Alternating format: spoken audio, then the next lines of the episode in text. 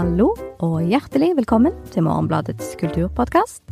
En podkast der vi diskuterer kulturuken i form av en observasjon, et spørsmål og et par anbefalinger. Mitt navn er Elise Dybvig. Jeg er kulturjournalist i avisen, og sitter her som alltid sammen med Aksel Kielland, kritiker og kommentator. Hallo, Aksel. Hallo.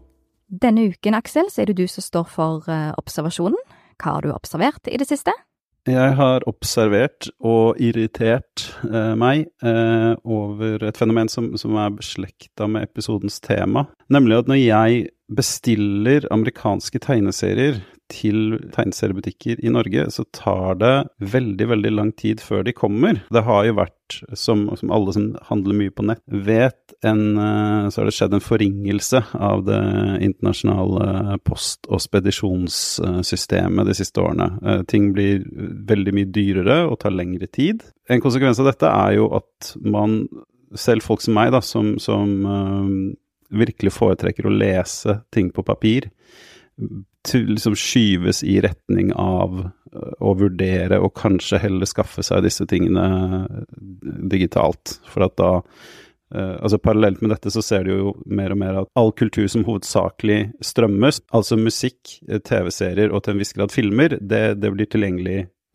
over hele verden samtidig. Mens da disse kulturproduktene som hovedsakelig er fysiske, som vel fortsatt er uh, prosa, og i alle fall tegneserier, uh, og andre ting som, som ikke, billedbøker og, og, og, magasiner og den type ting. Det får en mye mer sånn Det treffer offentligheten mye uh, mer spredt, og får da, får da, på en måte ikke samme nedslagskraften som det en gang hadde. Jeg syns det er veldig irriterende, jeg synes det er veldig vanskelig, vet ikke hvordan jeg skal løse det annet enn å annet enn å bestille fra Amazon, som jeg ikke har lyst til pga. Uh, overbevisningsgrunner. Men ja, det er et irritasjonsmoment i livet mitt. Hva med deg? Er dette noe som, uh, som frustrerer deg? Jeg merker jo sjøl at jeg blir veldig vant til at uh, hvis jeg har lyst til å se noe eller lese noe akkurat nå, så er det en mulighet for at det kan gjøre det. Eller jeg er blitt så vant til det at hvis jeg vil se akkurat den filmen, så finnes den tilgjengelig. Hvis jeg vil lese akkurat den boken, så kan jeg kjøpe den digitalt og lese den på et, et brett. Og det gjør jo da at hvis jeg faktisk kommer over en film som det tar noe tid å få i posten, for eksempel, så, så kan jeg ah, nei, det er i kveld jeg vil se den, gjør heller det en annen gang. Men der har jeg faktisk et lite tips, tror jeg. For når jeg jobbet i lokalavis, så, um, så var det veldig ofte lo lokalpolitikere som irriterte seg over ting i hverdagen, og de gikk ofte til lokalavisen og sa dette må bli en sak, og eh, det ble det veldig ofte, sånn som eh, en politiker som hadde bestilt en fotballtrøye i posten, og så måtte han betale veldig mye toll, tror jeg det var, på den, og mente det var helt hårreisende. Så de fikk han til å komme til posthuset, stille seg opp med fotballtrøyen, bli tatt bilde av, og så ble det plutselig en, en sak i lokalavisen at nå må vi se på, på uh, hva det faktisk koster å betale en fotballtrøye fra England, for det kan umulig være så dyrt. Så kanskje, Aksel, hvis du finner en lokalavis og har lyst til å ta bilde av deg med tegneserieboken som kom eh, tre måneder for seint i forhold til lanseringen, så kanskje er det noen i utlandet som tenker at uh, her, må vi, her må vi skjerpe oss. Jeg er bare redd for at uh, lokalavisene i Norge er litt mer opptatt av fotballtrøyer enn de er av amerikanske utgivelser av japanske tegneserier. Men uh, vi får se. Vi får se. Og nå kan det jo være at verden på sett og vis kanskje endrer seg litt tilbake til den der du faktisk kan få ting, fysiske ting, i, i posten, kanskje til og med litt tidligere, fordi at ukens spørsmål er skal vi virkelig begynne å kjøpe DVD-er igjen, og i så fall, hvorfor? Når vi tidligere i høst, Aksel, skulle begynne å planlegge sesongens episoder, så skrev du dette til meg i en e-post. Jeg syns godt vi kan lage en episode om fysisk format. Og da fant jeg denne mailen nå, og da skrev jeg eh, ja, med på det, men det var jeg ikke. Jeg ante ikke hva du snakka om, og gikk for strategien lat som ingenting og kryss fingrene for at det skal gi mening etter hvert. Ja, og det er noe jeg skulle håpe Jeg skulle ønske flere mennesker i livet mitt gjorde oftere, istedenfor å protestere og si nei og, og sånne ting. For å ta det aller først, hva er fysisk format? Ja, altså, da snakker vi om uh, Altså, det er jo et begrep man gjerne da hovedsakelig bruker om film og, og musikk, men altså da altså, Og som, som oppsto da etter uh, strømmetjenestene ble vanlig. Altså, du snakka ikke om dette før, før det fantes en annen måte å se film på enn uh, enn å kjøpe VHS-er, DVD-er, Blu-ray, Blu-rayer, eller et alternativ til vinylplater, kassetter, CD-er. Eh, men det er altså da alle fysiske objekter som inneholder, eller som, som kan avspille medieinnhold, da. Tidligere i år så intervjua jeg Marius Øfsti, som er stipendiat ved Høgskolen i Innlandet, som i sin doktoravhandling har sett på hva som skjedde da amerikanske strømmetjenester slo seg ned i norsk filmmarked og bransje. Og et av de mange interessante funnene der er dette. Netflix kom til Norge i 2012, og så, i løpet av fire måneder så forsvant DVD-markedet. Og det, det, er helt tydelig, Netflix kommer, fire måneder, DVD-markedet er ikke-eksisterende, helt borte.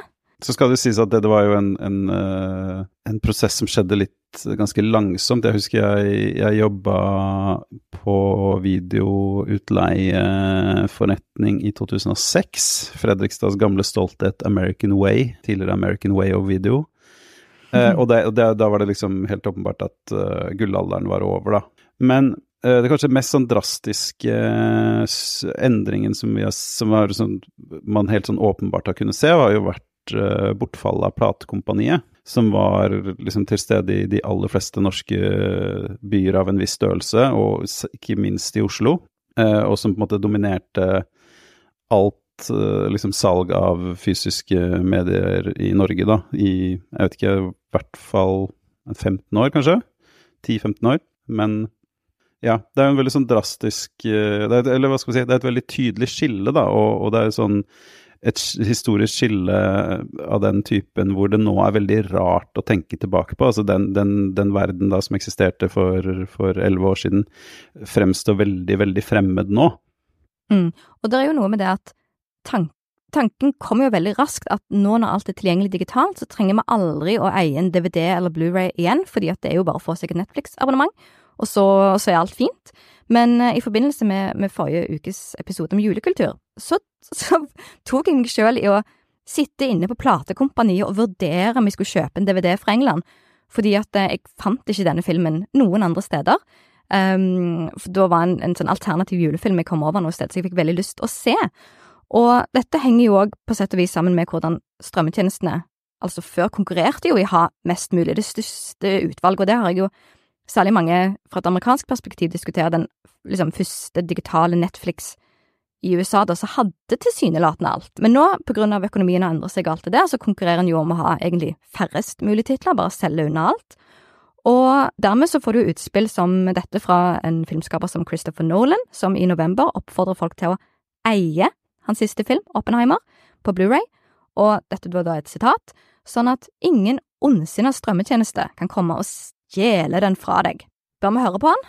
Altså, man bør vel uh, høre Altså, om, om, ikke man bør kjøpe Oppenheimer, bør man i hvert fall høre, kjøpe filmene man har et sånn veldig sterkt forhold til, og, og liksom behov for å se på på kort varsel. Men så vil jeg si at det er jo en sannhet med modifikasjoner, det der. Altså, filmkritikere har jo fra dag én motsatt seg, seg det der påstanden om at, at, alt kan strømmes.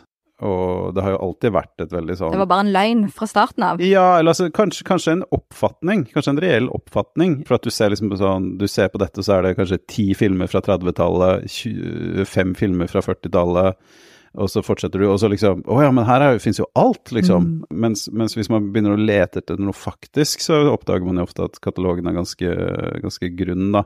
Og så tror jeg at dette skjedde i en periode der Altså, de moderne strømmetjenestene for film og TV springer jo egentlig ganske direkte ut fra den uh, aktiviteten med piratnedlasting som skjedde, som var veldig sånn viktig viktig i, for medieøkonomien på første tiåret av dette årtusenet.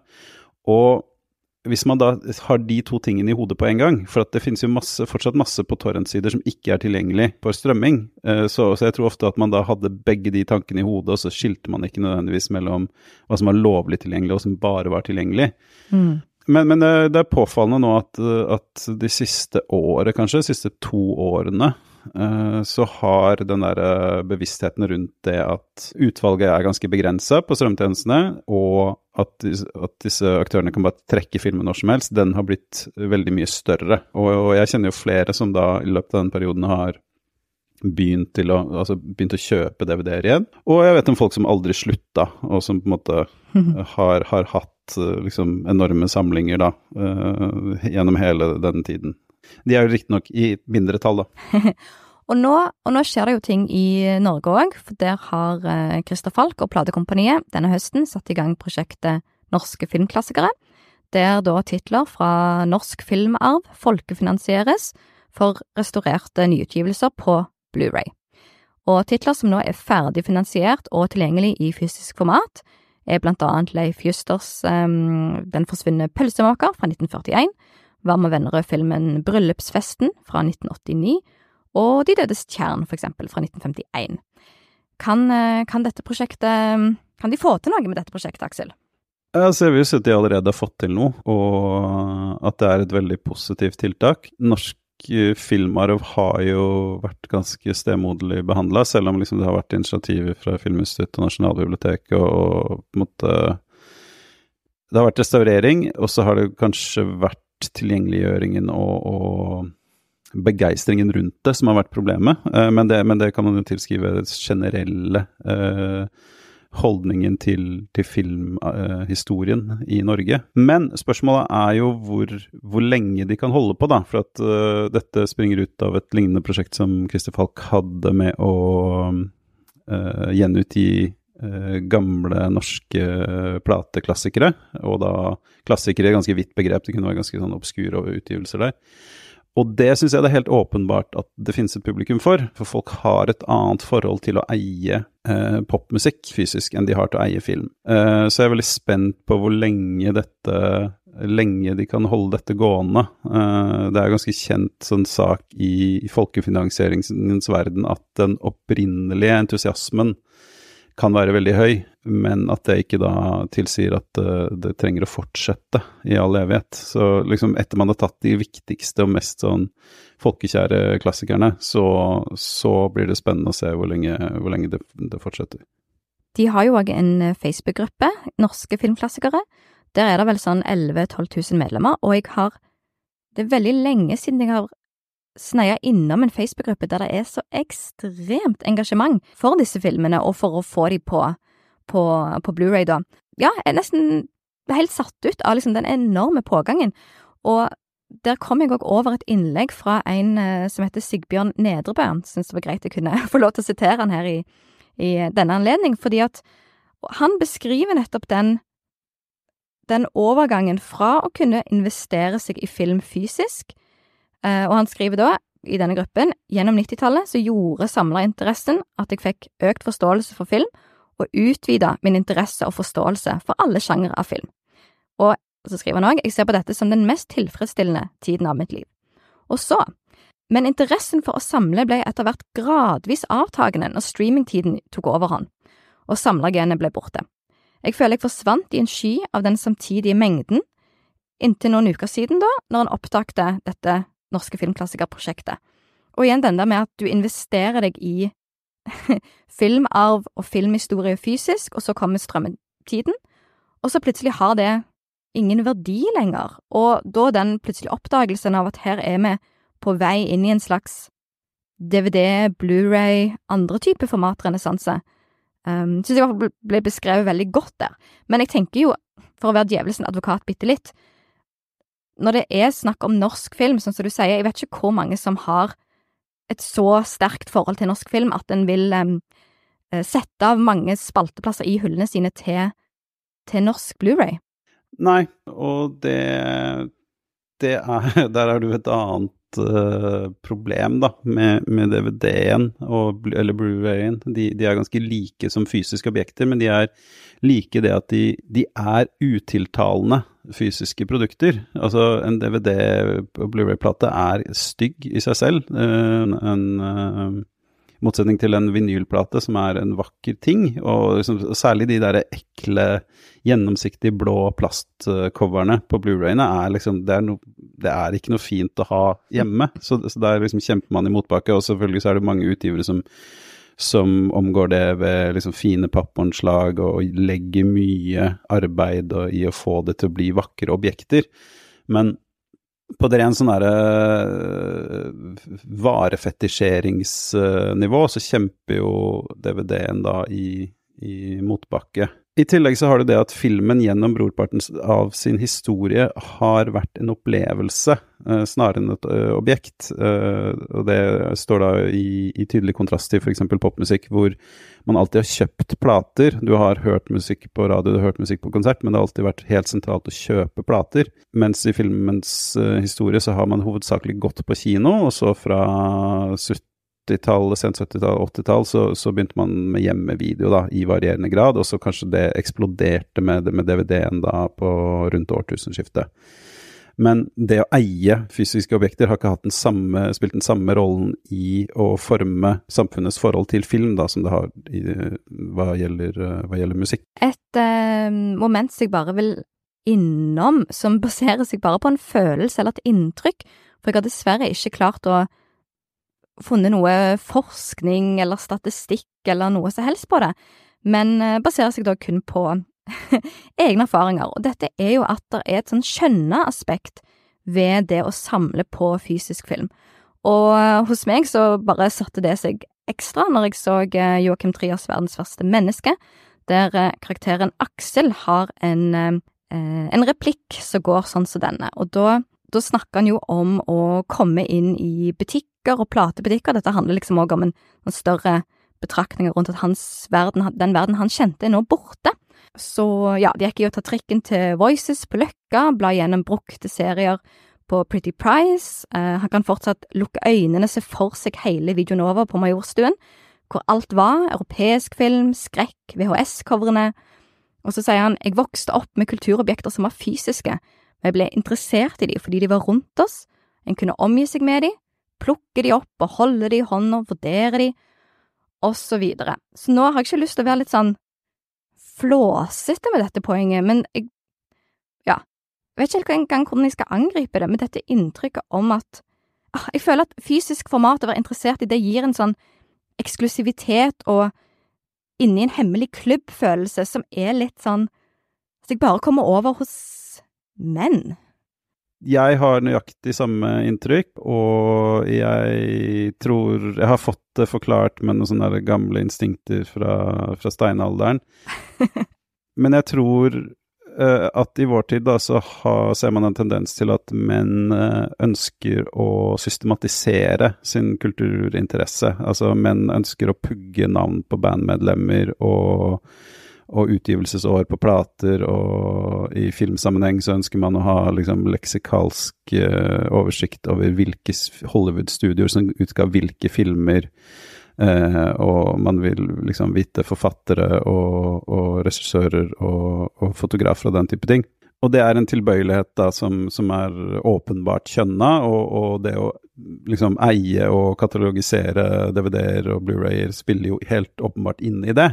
Nei, jeg må innrømme at jeg eh, nå i det siste har, har um, kjent på appellen av hvor fantastisk hadde det ikke vært å ha alle Agnes Varda sine filmer i en flott eh, samleboks på hyllen, min, så jeg, så jeg merker at jeg er litt på glid, men for meg så bunner det i at så lenge, så lenge jeg kan se det jeg har lyst til å se, så bryr jeg meg ikke om formatet. Uh, men hvem vet, plutselig så har jeg fått meg Blu-ray-spiller og er besatt av bildeoppløsning, så her kan alt skje. Men det jeg har lyst til å komme innom på til slutt, er jo dette med hva er det som går tapt eller forsvinner når kulturen ikke lenger er forankra i fysiske gjenstander. Ja, og det er noe jeg er veldig, veldig interessert i. Når jeg er i utlandet, så er jeg alltid på jakt etter tegneseriebutikker, men kanskje først og fremst brukt-tegneseriebutikker. Eh, og jeg går stort sett alltid innom bruktplatebutikker hvis jeg finner noen, selv om jeg sjelden handler noe. Jeg, for i fjor så var jeg på ferie i Helsinki og ble helt sånn der liksom Det kribla i kroppen da jeg fant en, eh, en bruktbutikk som utelukkende solgte VHS. Ha. Den er visst nedlagt nå. Men, men, og jeg kjøpte ingenting, men også bare den derre sitringa av å være omgitt av kulturprodukter da, som så spesifikt er eh, låst til en, eh, til en periode i tid. Mm. Det er noe jeg verdsetter veldig. Eh, og så syns jeg jo det er synd Da jeg vokste opp, så, så, tror jeg på et tidspunkt i mine sene tenår så hadde Fredrikstad sju platebutikker. Fortalt, fordelt på de som solgte nytt og de som solgte brukt. Og liksom det er jo noe eh, altså du, du, du nevnte dette sitatet fra Verdens svarte metzger. Som, som, en person som heter Aksel, er opptatt av tegneserier og kan mimre ganske nostalgisk om Pretty Price i Dronningens gate så, så er det noe som liksom traff uhyggelig nærme, da. Og det er jo en kultur som har forsvunnet eh, langt på vei. Altså den derre kulturen, kulturen for å gå i butikker og lære om kultur på den måten, enten det er bare å liksom registrere titler, eh, altså bare liksom danne seg en eller annen forståelse av fortiden av det. Eh, og det kunne man jo for så vidt også i, i platebutikker og videohyller. Altså, det var jo en, en, type kuratering av historien som har forsvunnet og blitt erstatta for den mer sånn der algoritmiske og, og, på en måte enda mer tilfeldige kurateringa uh, vi har i dag. Det er et gammelt eh, Pauline Cale, den amerikanske filmkritikeren, sitat om, et, fra et essay som jeg mener het 'Movies on Television', hvor hun beskriver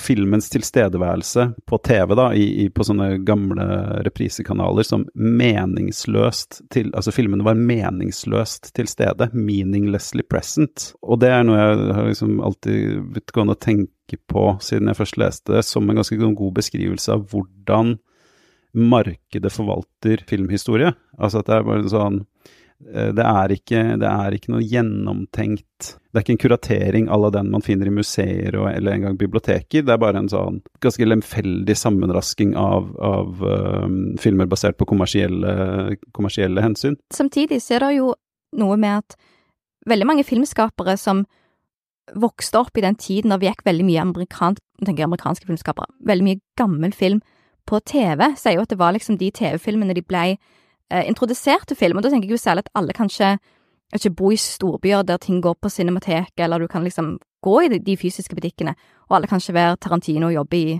VHS-butikk.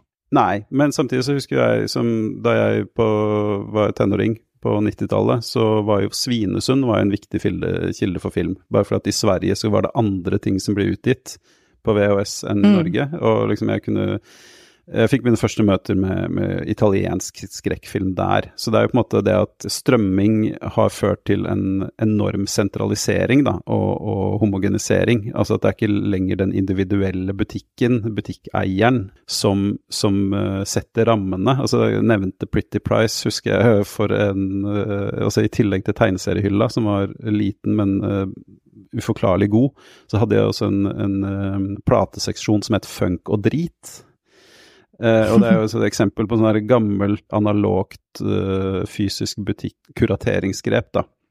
Som preger de som går der. Mm. Alt det har forsvunnet uh, i stor grad, mens, mens, vi nå forholder oss til liksom, det som er på Mubi, det som er på Criterion Channel, hvis man har tilgang til det, og det som er på filmrommet og Netflix og alt sånt. Når det gjelder bare denne forholdet til det, til det fysiske, da, fordi det husker jeg jo sjøl òg fra fra når jeg hadde DVD-er og dro til England, og hvor gøy det var, sånn som du òg sier, å gå i, gå i, videobutikker. Og det var egentlig den rare, obskure 30-tallsfilmen som jeg bare til nå hadde lest om.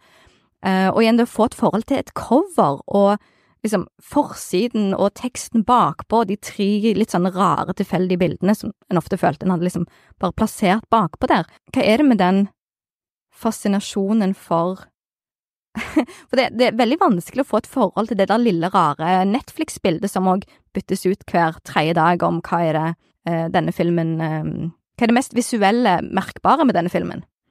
Og som, og som kanskje først og fremst da er bare en Altså, det er bare en immateriell størrelse på TV-en din, og som forsvinner når du, når du skrur den av.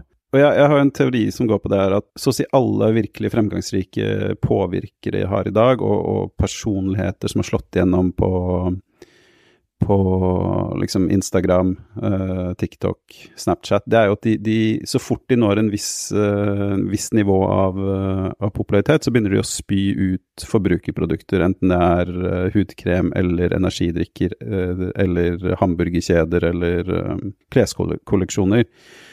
Og Da kan man enten se det som en sånn der total kommersialisering av underholdningsbransjen, hvor, hvor underholdning bare liksom handler om å danne et kundegrunnlag for fremtidige næringslivsprosjekter. Eller man kan si at publikum fortsatt har et behov for å ha en sånn håndfast kobling til uh, disse entertainerne, eller idolene, eller hva man skal kalle det, artistene. En slags sånn fysisk manifestasjon av det de liker i sitt eget liv. Og så da, når det da ikke lenger må være uh, Det ikke er en dyd av nødvendighet å kjøpe en plate eller en, en DVD, så, så, liksom bare kjøper man noe. Uh, sånn som når, når alle liksom tolvåringer kjøper den der energidrikken til Logan Paul og KSI, så er ikke det at de trenger eh, å hydrere, men det er at de, de vil at den tingen de ser på TikToken sin, skal manifestere seg i sin egen verden. Og det liksom Det er noe interessant der som, som, det er for lett å bare liksom avfeie som varefetisjisme og opportunisme. Det er en uh, veldig interessant, men noe krevende bok av en som heter Peter Schwenger fra 2005, som heter The Tears of Things. Melancholy and Physical Objects. Og den går inn på dette, om det er vi som eier gjenstandene vi samler på og knytter oss til, eller om òg gjenstandene på sett og vis eier og eh, possess eh, oss, da. Eh, så den kan jo være verdt å sjekke ut i eh, anledning denne tematikken. Og på det så kan vi jo bare runde av med anbefalinger generelt. Aksel?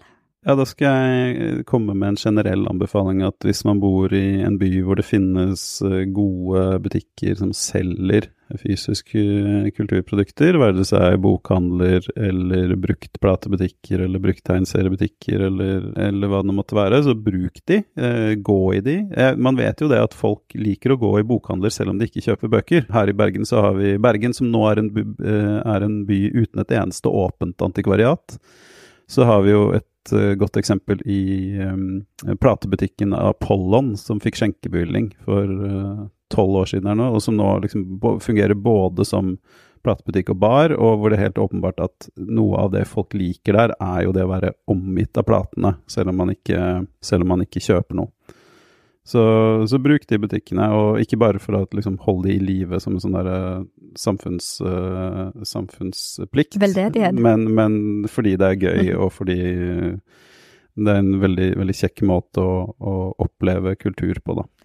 Høres veldig bra ut. Jeg vil trekke fram boken Bring No Clothes, Bloomsbury and the Philosophy of Fashion, som kom ut denne høsten og er skrevet av en britisk forfatter og motejournalist som heter Charlie Porter.